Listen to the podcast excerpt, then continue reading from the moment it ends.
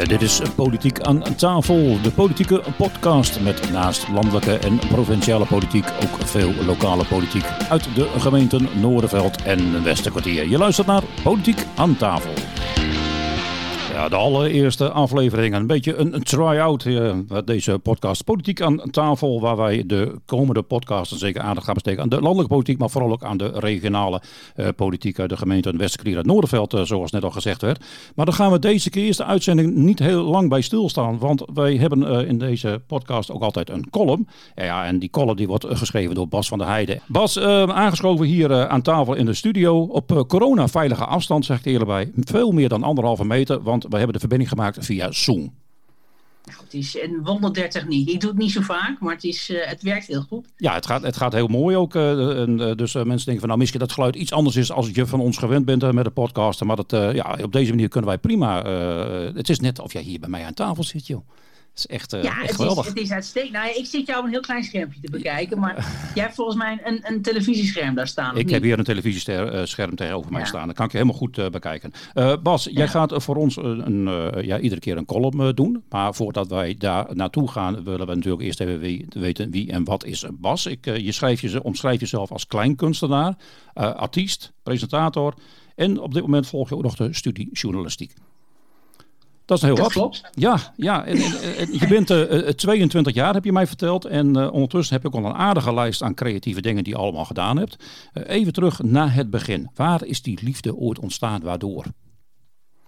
Ja, nou, ik, ik, eh, ehm, eh, eh, ik, ik, het is eigenlijk ontstaan omdat ik, ik vond school nooit zo leuk. Ik, ik, dat, dat was altijd een beetje, nou ja, hè, ik, daar heb ik ook echt wel moeilijk mee gehad. Ik dacht van, is dit het nou? Moet ik dit mijn verder leven doen? Nou, zo voelt het natuurlijk als je, als je jong bent, lijkt of je nog heel lang naar school moet. Ehm, en toen wilde ik wat afleiding voor mezelf creëren. En toen eh, dacht ik, als ik nou eens iemand anders speel, dan heb ik die afleiding en dan, dan, dan hoef ik niet de hele tijd mezelf te zijn. Dus de, op, die, op die manier is het een beetje ontstaan. En ehm, ja, tegenwoordig is dat niet meer nodig, maar het blijkt ook gewoon in mijn bloed te zitten. Ik vind het fantastisch om te doen. En dat, is, eh, dat, dat gevoel kun je eigenlijk niet goed omschrijven. Dat moet je he- hebben gewoon. Eh, he- heb je dat in de genen meegekregen, Bas? Of eh, zit, zit het in de familie bij jou ook ergens, de- de- deze creativiteit? Ja, nou, mijn, mijn oma ehm, eh, heeft altijd operetten gezongen. Ehm, eh, bij, eh, nou ja, de, in, in Hoge Zand wonen ze bij, eh, bij Amicitia en Winschoten heeft ze, heeft ze gezongen. En eh, Probelletta in Hoge Zand. Nou, ik weet niet, misschien dat mensen dat nog kennen. Ehm, ehm, eh, maar van haar heb ik dat wel meegekregen. Ook, ik had wat dat betreft ook een goede klik met haar. Ehm, eh, omdat we die interesse heel erg deelden. Dus wat dat betreft zit het er wel in. Ja, en haar vader was ook bij de toneelvereniging. Nou ja, dus dat, Ja, dat zo op die manier. Komt, ergens uit die hoek vandaan, eh, zeg maar. Eh, Ja. Als kind was jij al druk bezig met ja, destijds YouTube-filmpjes aan het maken. Op een, op een prachtige manier. Mensen die kunnen dat nog terugzien hè, op het YouTube-kanaal van jou. Ja, Ehm, zeker. zeker. Je, je hebt daar zelfs het, het mooie programma Man bij de Hond meegehaald. Eh, hoe, hoe is dat allemaal gegaan en wat voor soort filmpjes maakte je destijds? Nou, ik, ik maakte. ehm, eh, eh, eh, ik, ik ben daar ook mee begonnen. Kijk, YouTube was toen. Dat is, dat is nou inmiddels twaalf jaar geleden dat ik daarmee begon. Dat was toen nog niet wat YouTube nu is. Dus Enzo Knol was nog niet bekend. allemaal dat soort. dat we stuk TV bestond nog niet. Nou ja. Eh, ehm, dus dat waren eigenlijk meer filmpjes. hartstikke leuk. En er werd onder 50 mensen bekeken. Dus laagdrempelig. Ehm, en ehm, eh, ik maakte eigenlijk filmpjes waarin ik iemand speelde waarbij er altijd iets misging. Dus die begon er iets ergens met vol goede moed aan. En dat, dat, dat ging dan, nou ja, eh, onvermijdelijk mis. Ehm, en ehm, eh, op een goed moment kreeg ik via YouTube een berichtje. Hallo, ik ben van de redactie van Man bij het Hond. Ik heb een filmpje van je gezien. Ik was op zoek naar een stomme film. Dus een film zonder geluid. Die heb ik ook ooit eens gemaakt. Ehm, en ik zag al jouw filmpjes en we willen wel graag een item over je maken. Nou ja, toen, toen heeft mijn moeder gezegd, laat ik maar eerst even naar de nummer bellen, want Ja, die vertrouw- die ik weet vertrouwde helemaal niet. dit wel klopt. Ja. Wat zeg je? Ik zeg, die vertrouwde het waarschijnlijk niet, zo'n telefoontje. Nee, die, die vertrouwde ik niet helemaal.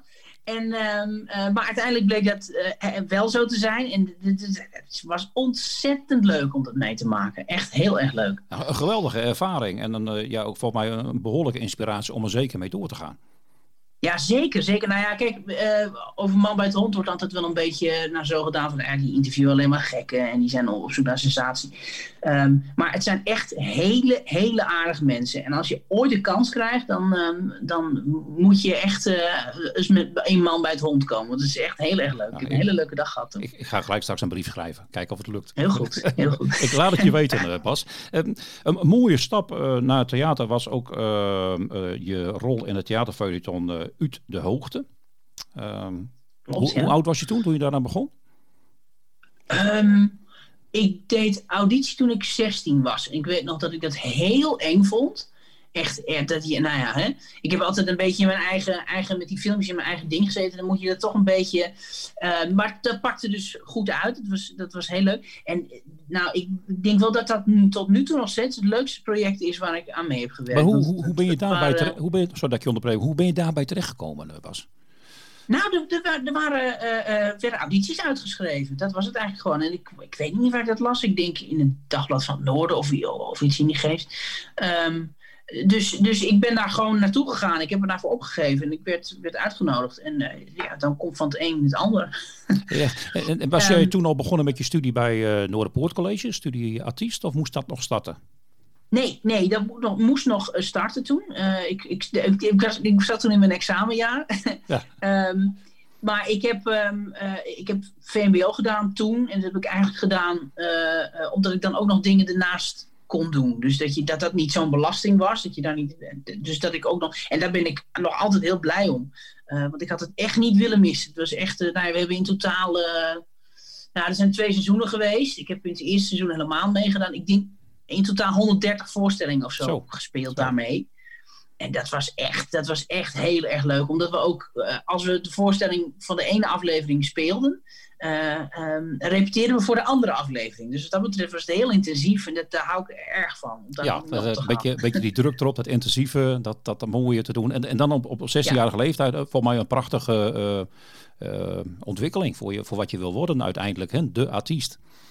Ja, dat was, dat was echt wel. Uh, maar goed, als je daar nu eens op terugkijkt, dan denk je ook wel dat het, het. Het was ook wel heel rooskleurig eigenlijk. Want het is helemaal niet vanzelfsprekend dat je zoveel voorstellingen in het seizoen speelt. Het is echt. Uh, dat was heel erg luxe. Zeker nu. Nu speel ik natuurlijk helemaal niet meer. Nee, het is helemaal rustig. het is nu helemaal even, even niet, hè? Ja, dus dat. Uh, maar goed, uh, uh, dat heb je dan wel mooi in de pocket. Dus dat is heel, uh, dat, is, dat vind ik prachtig. Ja, prachtig. Hey, um, ik noem het net al eventjes, je, je mbo-opleiding met Noorderpoort waar je gezeten hebt. Um, daar moest je ook een afstudeervoorstelling heb je daar gemaakt. dat heette de One Man ja. Show. En daarmee heb je op Noorderzonde gestaan en heb je ook meegedaan aan de voorrondes van het Cabaret Festival in Rotterdam. Dat moet toch ook wel een hele bijzondere, zowel Noord als Zon lijkt me een heel bijzondere ervaring.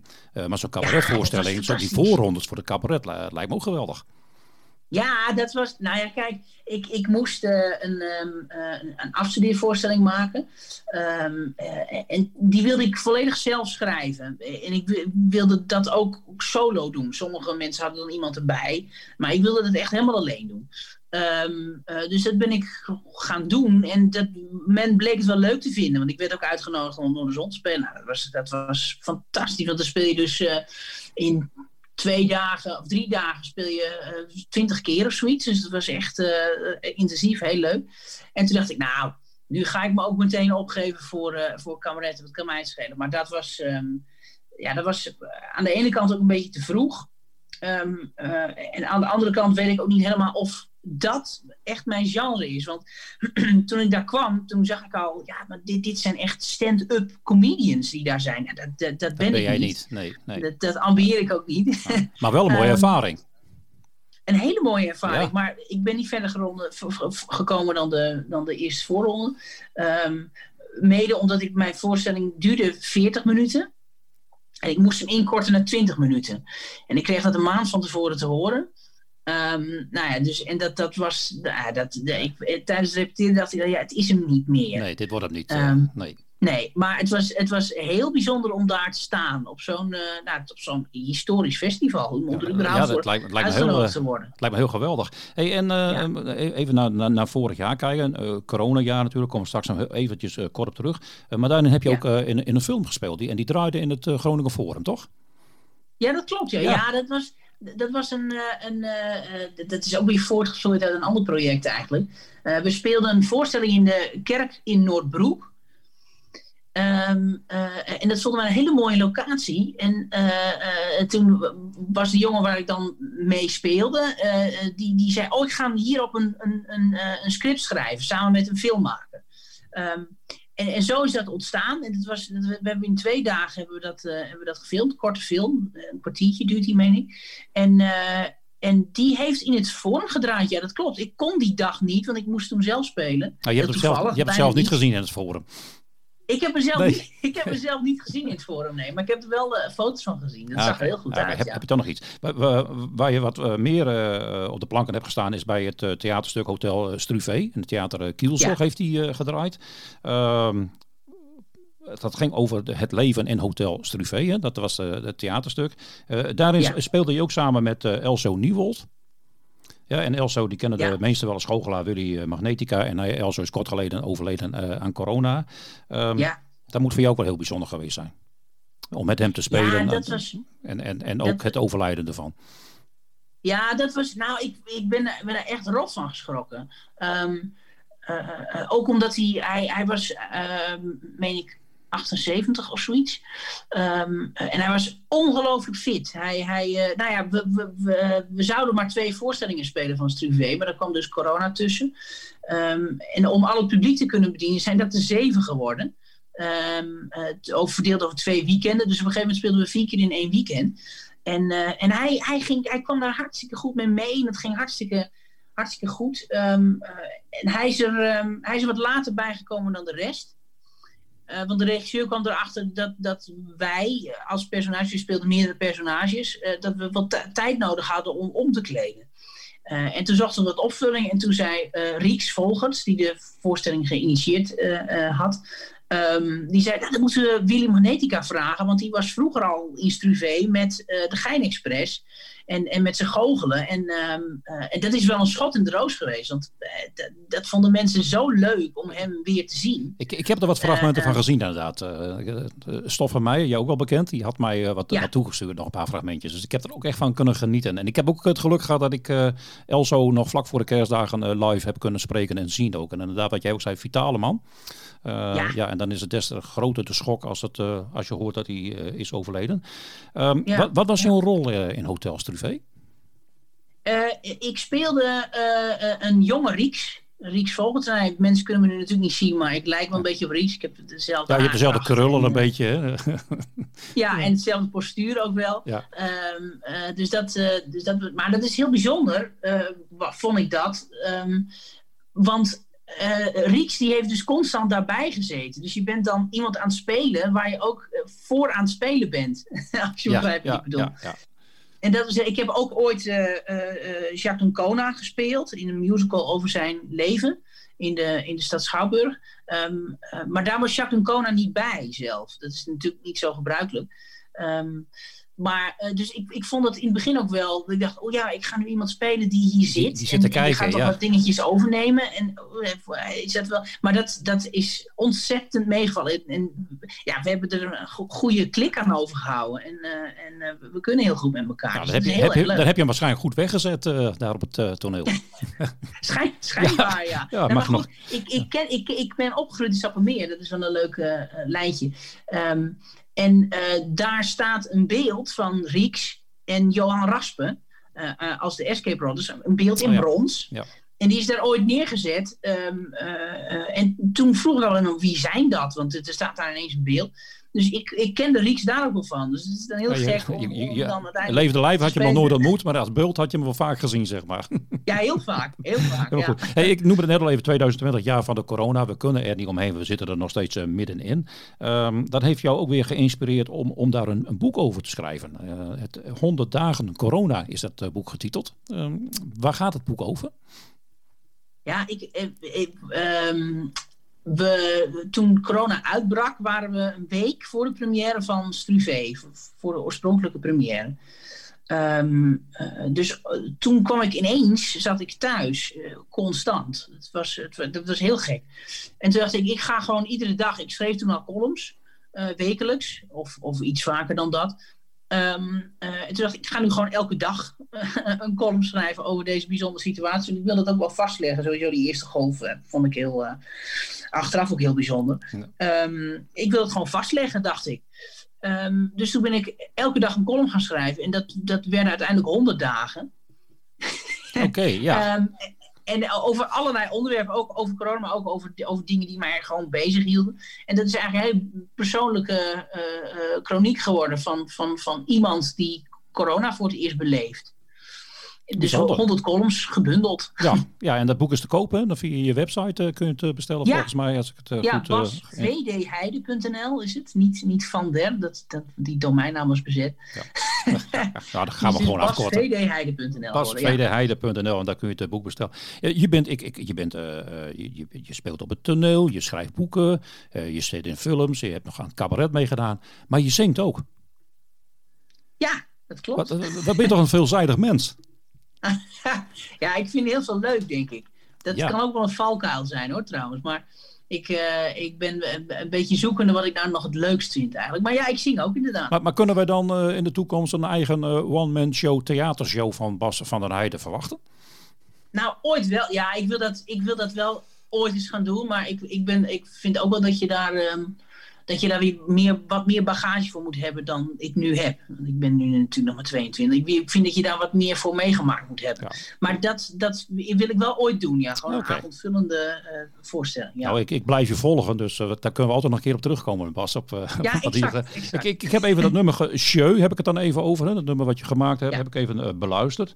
en, en daarin zeg je op een gegeven moment, ook, zing je ook in een couplet van... u hoort nu die verhalen, maar misschien is het toch waar. Ik wil dat men over mij zo denkt over pakweg 100 jaar. In hun verhalen ben ik een stoere vent en ben ik niet zo sneu. Nee, in een boek lijkt dat heel anders. De letters zorgen dus voor meer sjeu. Met andere woorden, als, ik, als mensen later over jou gaan praten, dan wordt het hem al een beetje mooier gemaakt met de letters. En, uh, dat, en, en dat jij een mooi beeld, hè, zoals een beeld over Napoleon er was, uh, zoals je in het lied bezingt, over de Romeinen en dergelijke allemaal. Dat willen we ja. ook over Bas gaan doen. Ja, ja, dat is een beetje de dichtelijke vrijheid natuurlijk. Om er een, om er een, een, een, lijntje van te maken. Ja, um, dat, dat, is het mooie van boeken. Um, uh, dat, je, dat je daar je eigen fantasie bij kunt uh, um, uh, vormen. en dat, dat kun je niet als je iemand ziet. Dus mensen horen dit nu terug en dan heb je direct een, een mening over, nou, over mij, maar ook over jou, over, over iedereen die maar te, te horen is. En in een boek um, kun je dat zelf invullen. Dat is er zo mooi aan eigenlijk. Dat is mooi. hey, ik, ik, ik heb een nummer uh, klaarstaan, uh, Bas. En ik heb gevraagd van mag ik jouw uh, nummer gebruiken voor deze podcast? Daar heb jij volmondig ja op gezegd. Um. Dus we gaan, er, we gaan hem even volledig draaien. We gaan er even naar luisteren.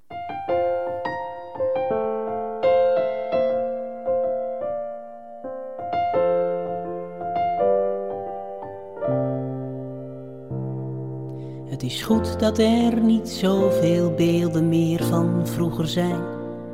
Anders weet je precies hoe het was. Het is goed dat er niet zoveel beelden meer van vroeger zijn. Het is veel leuker in het boek dat ik las.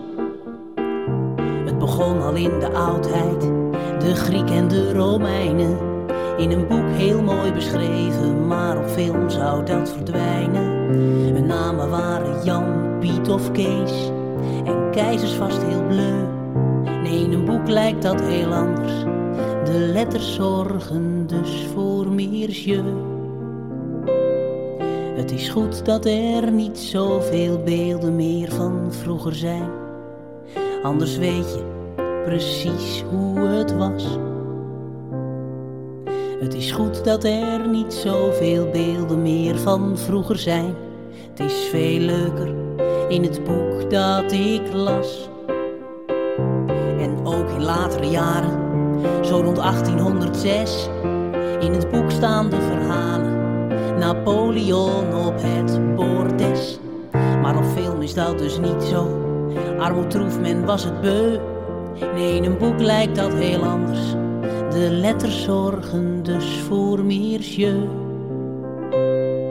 Het is goed dat er niet zoveel beelden meer van vroeger zijn. Anders weet je precies hoe het was. Het is goed dat er niet zoveel beelden meer van vroeger zijn. Het is veel leuker in het boek dat ik las. U hoort nu die verhalen, maar misschien is het toch waar. Ik wil dat men over mij zo denkt, over pakweg honderd jaar. In hun verhalen ben ik een stoere vent en ben ik niet zo sneu. Nee, in een boek lijkt dat heel anders. De letters zorgen dus voor meer jeu. Het is goed dat er niet zoveel beelden meer van vroeger zijn. Anders weet je precies hoe het was. Het is goed dat er niet zoveel beelden meer van vroeger zijn.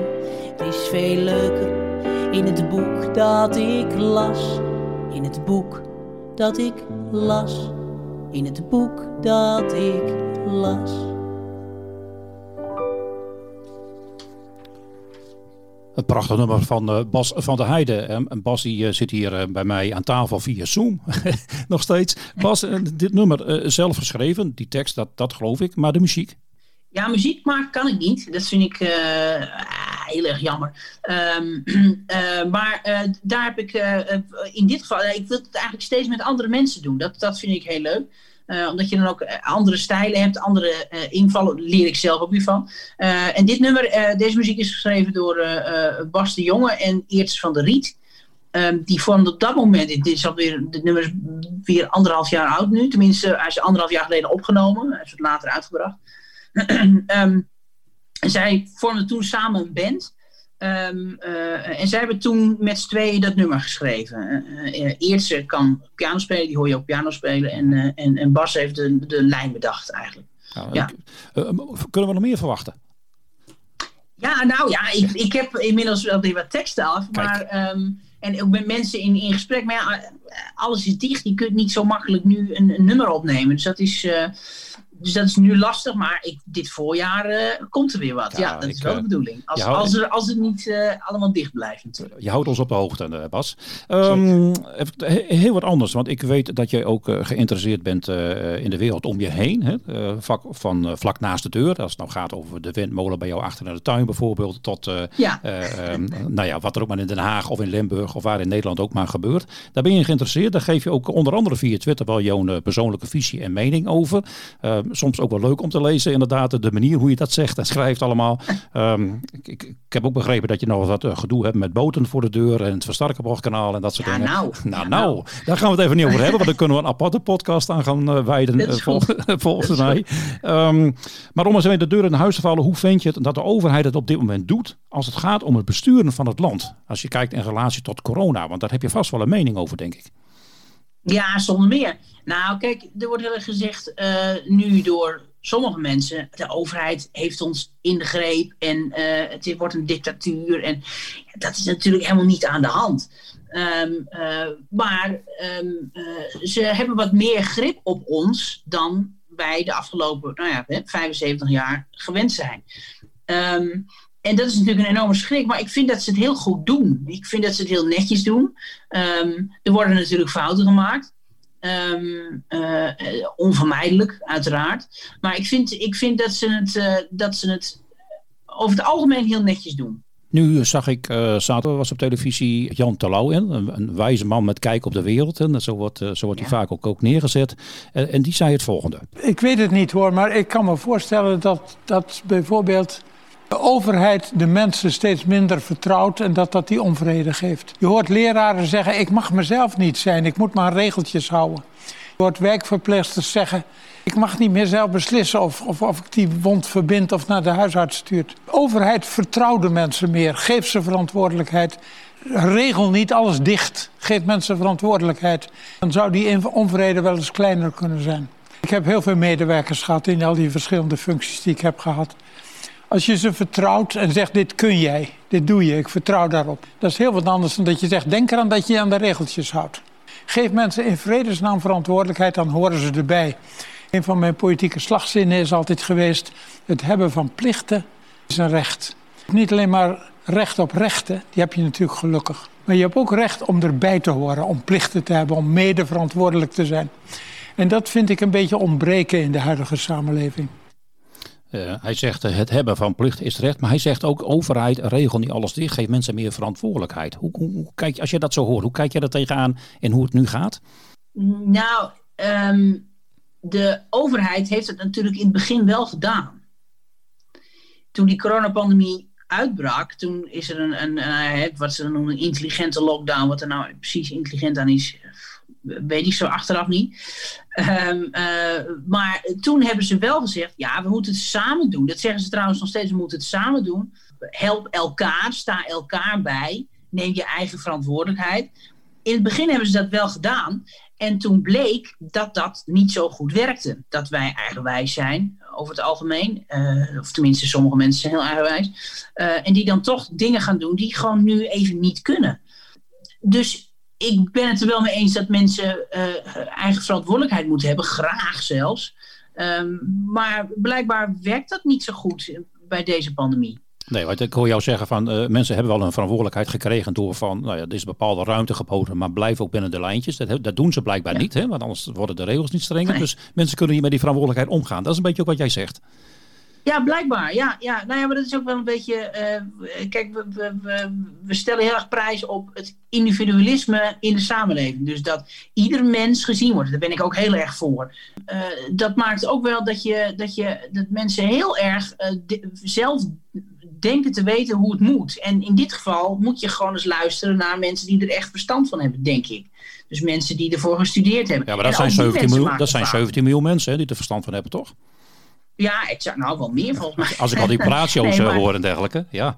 Ja, ja, precies. Maar volgens mij moeten we ons gewoon baseren op mensen die er verstand van hebben. En ook die mensen maken fouten, natuurlijk. Want het is een, nog altijd een nieuw virus. We weten nu natuurlijk meer van dan vorig jaar. Maar nu is er weer die Engelse mutatie. Um, dus uh, ja, de, de, mensen die het meest verstand van hebben, die, uh, daar, ik denk dat we daar het beste naar kunnen luisteren. Oké, okay. uh, dankjewel Bas hiervoor. Wij gaan richting jouw column. Ja. ja. Ja, het is al zo weer zover. De column, je eerste column die je voor onze podcast uh, gaat maken. Um, wil je al een tipje van de sluier oplichten? Uh, ja, het gaat, het is, het gaat over, uh, over een van mijn favoriete programma's op de televisie op dit moment. Oké, okay, oké. Okay. We, we gaan naar luisteren. En dan toe, komen we, dat ja, we gaan naar luisteren. Dan komen we naar de column even op, even op terug.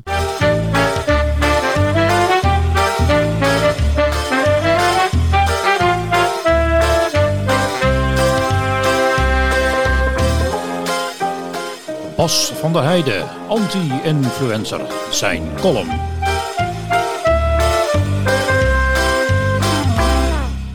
Een ode aan het mooiste televisieprogramma dat er is. In ieder geval in haar genre.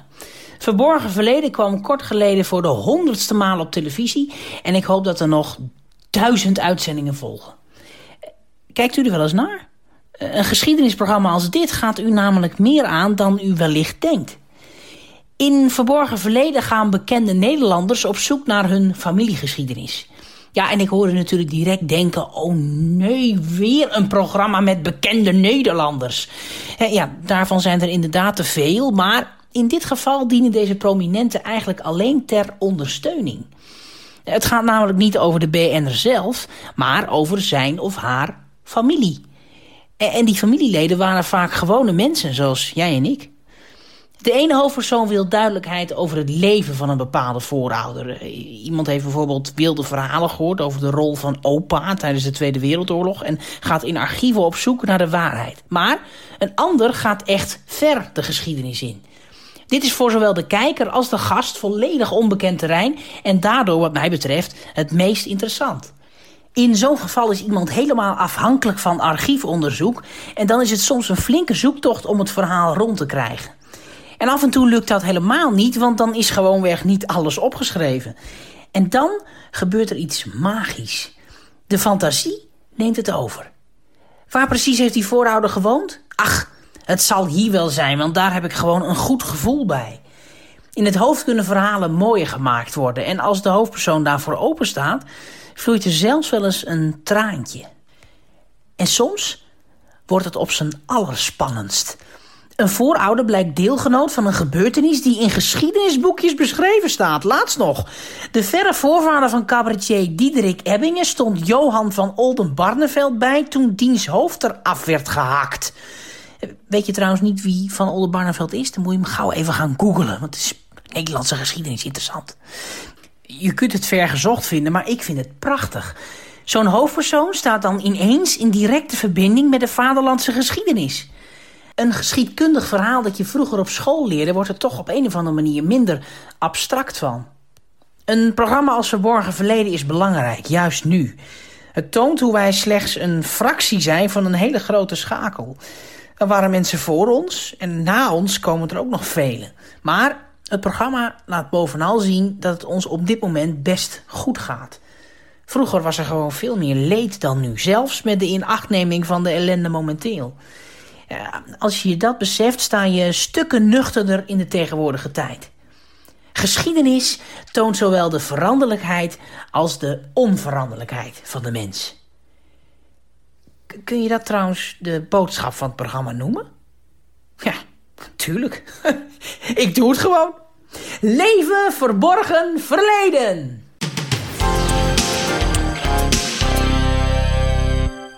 Dankjewel voor het maken van deze column, eh, Bas. Uh, leven, verborgen verleden. Uh, daar heb jij wel iets mee, hè, met het verborgen verleden. Ja, zonder meer. Nou, ik, ik, dat doe ik ook al heel lang trouwens. ik zoek zelf al heel lang een stamboom uit. Um, en daar heb ik eigenlijk heel veel aan gehad. Um, omdat je ook uh, natuurlijk verhalen uh, opdiept bij oudere familieleden. Dus verhalen over hun opa en oma of over, nou ja. Um, uh, dan ga je overeenkomsten zien en dan weet je ook waar bepaalde trekjes vandaan komen. En dat, heb ik, dat vind ik heel leerzaam. Ook, ook, wel omdat ik overal, dat is ook wel een beetje mijn, mijn, mijn, mijn ding misschien. Ik wil wel overal context bij hebben. Als ik, als, ik een, als ik een stukje schrijf, dan moet het wel gebaseerd zijn op iets dat gebeurd is. Al is het maar heel klein. Um, uh, omdat ik me dan er een beeld bij kan vormen. Dan gaat die fantasie aan de loop. Ik kan niet echt van helemaal nul kan ik niet iets uh, uh, opbouwen. Er moet wel iets, er, er, er moet, iets, zijn, gebeurd ja, zijn. Er moet, er moet gewoon iets, iets zijn. Um, ja. Nou, dit is onze eerste column uh, voor de podcast. er gaan nog hopelijk velen volgen, wat mij betreft in ieder geval wel. Ja, dat is, dat is hartstikke goed. um, we weten nu even een klein beetje wie Bas is en wat hij ondertussen in, in, in die 22 jaar allemaal al uitgespookt heeft in zijn leventje. Bas, we gaan zeker meer van je horen. Ik wil je voor nu bedanken en ja, ik kijk alweer uit naar je volk volgende column. Dankjewel. Ja, uh, jij bedankt.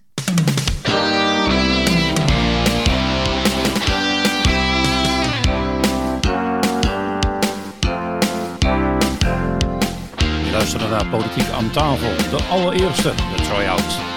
Wil je ons blijven volgen? Abonneer dan op ons podcastkanaal. Dit was Politiek aan tafel.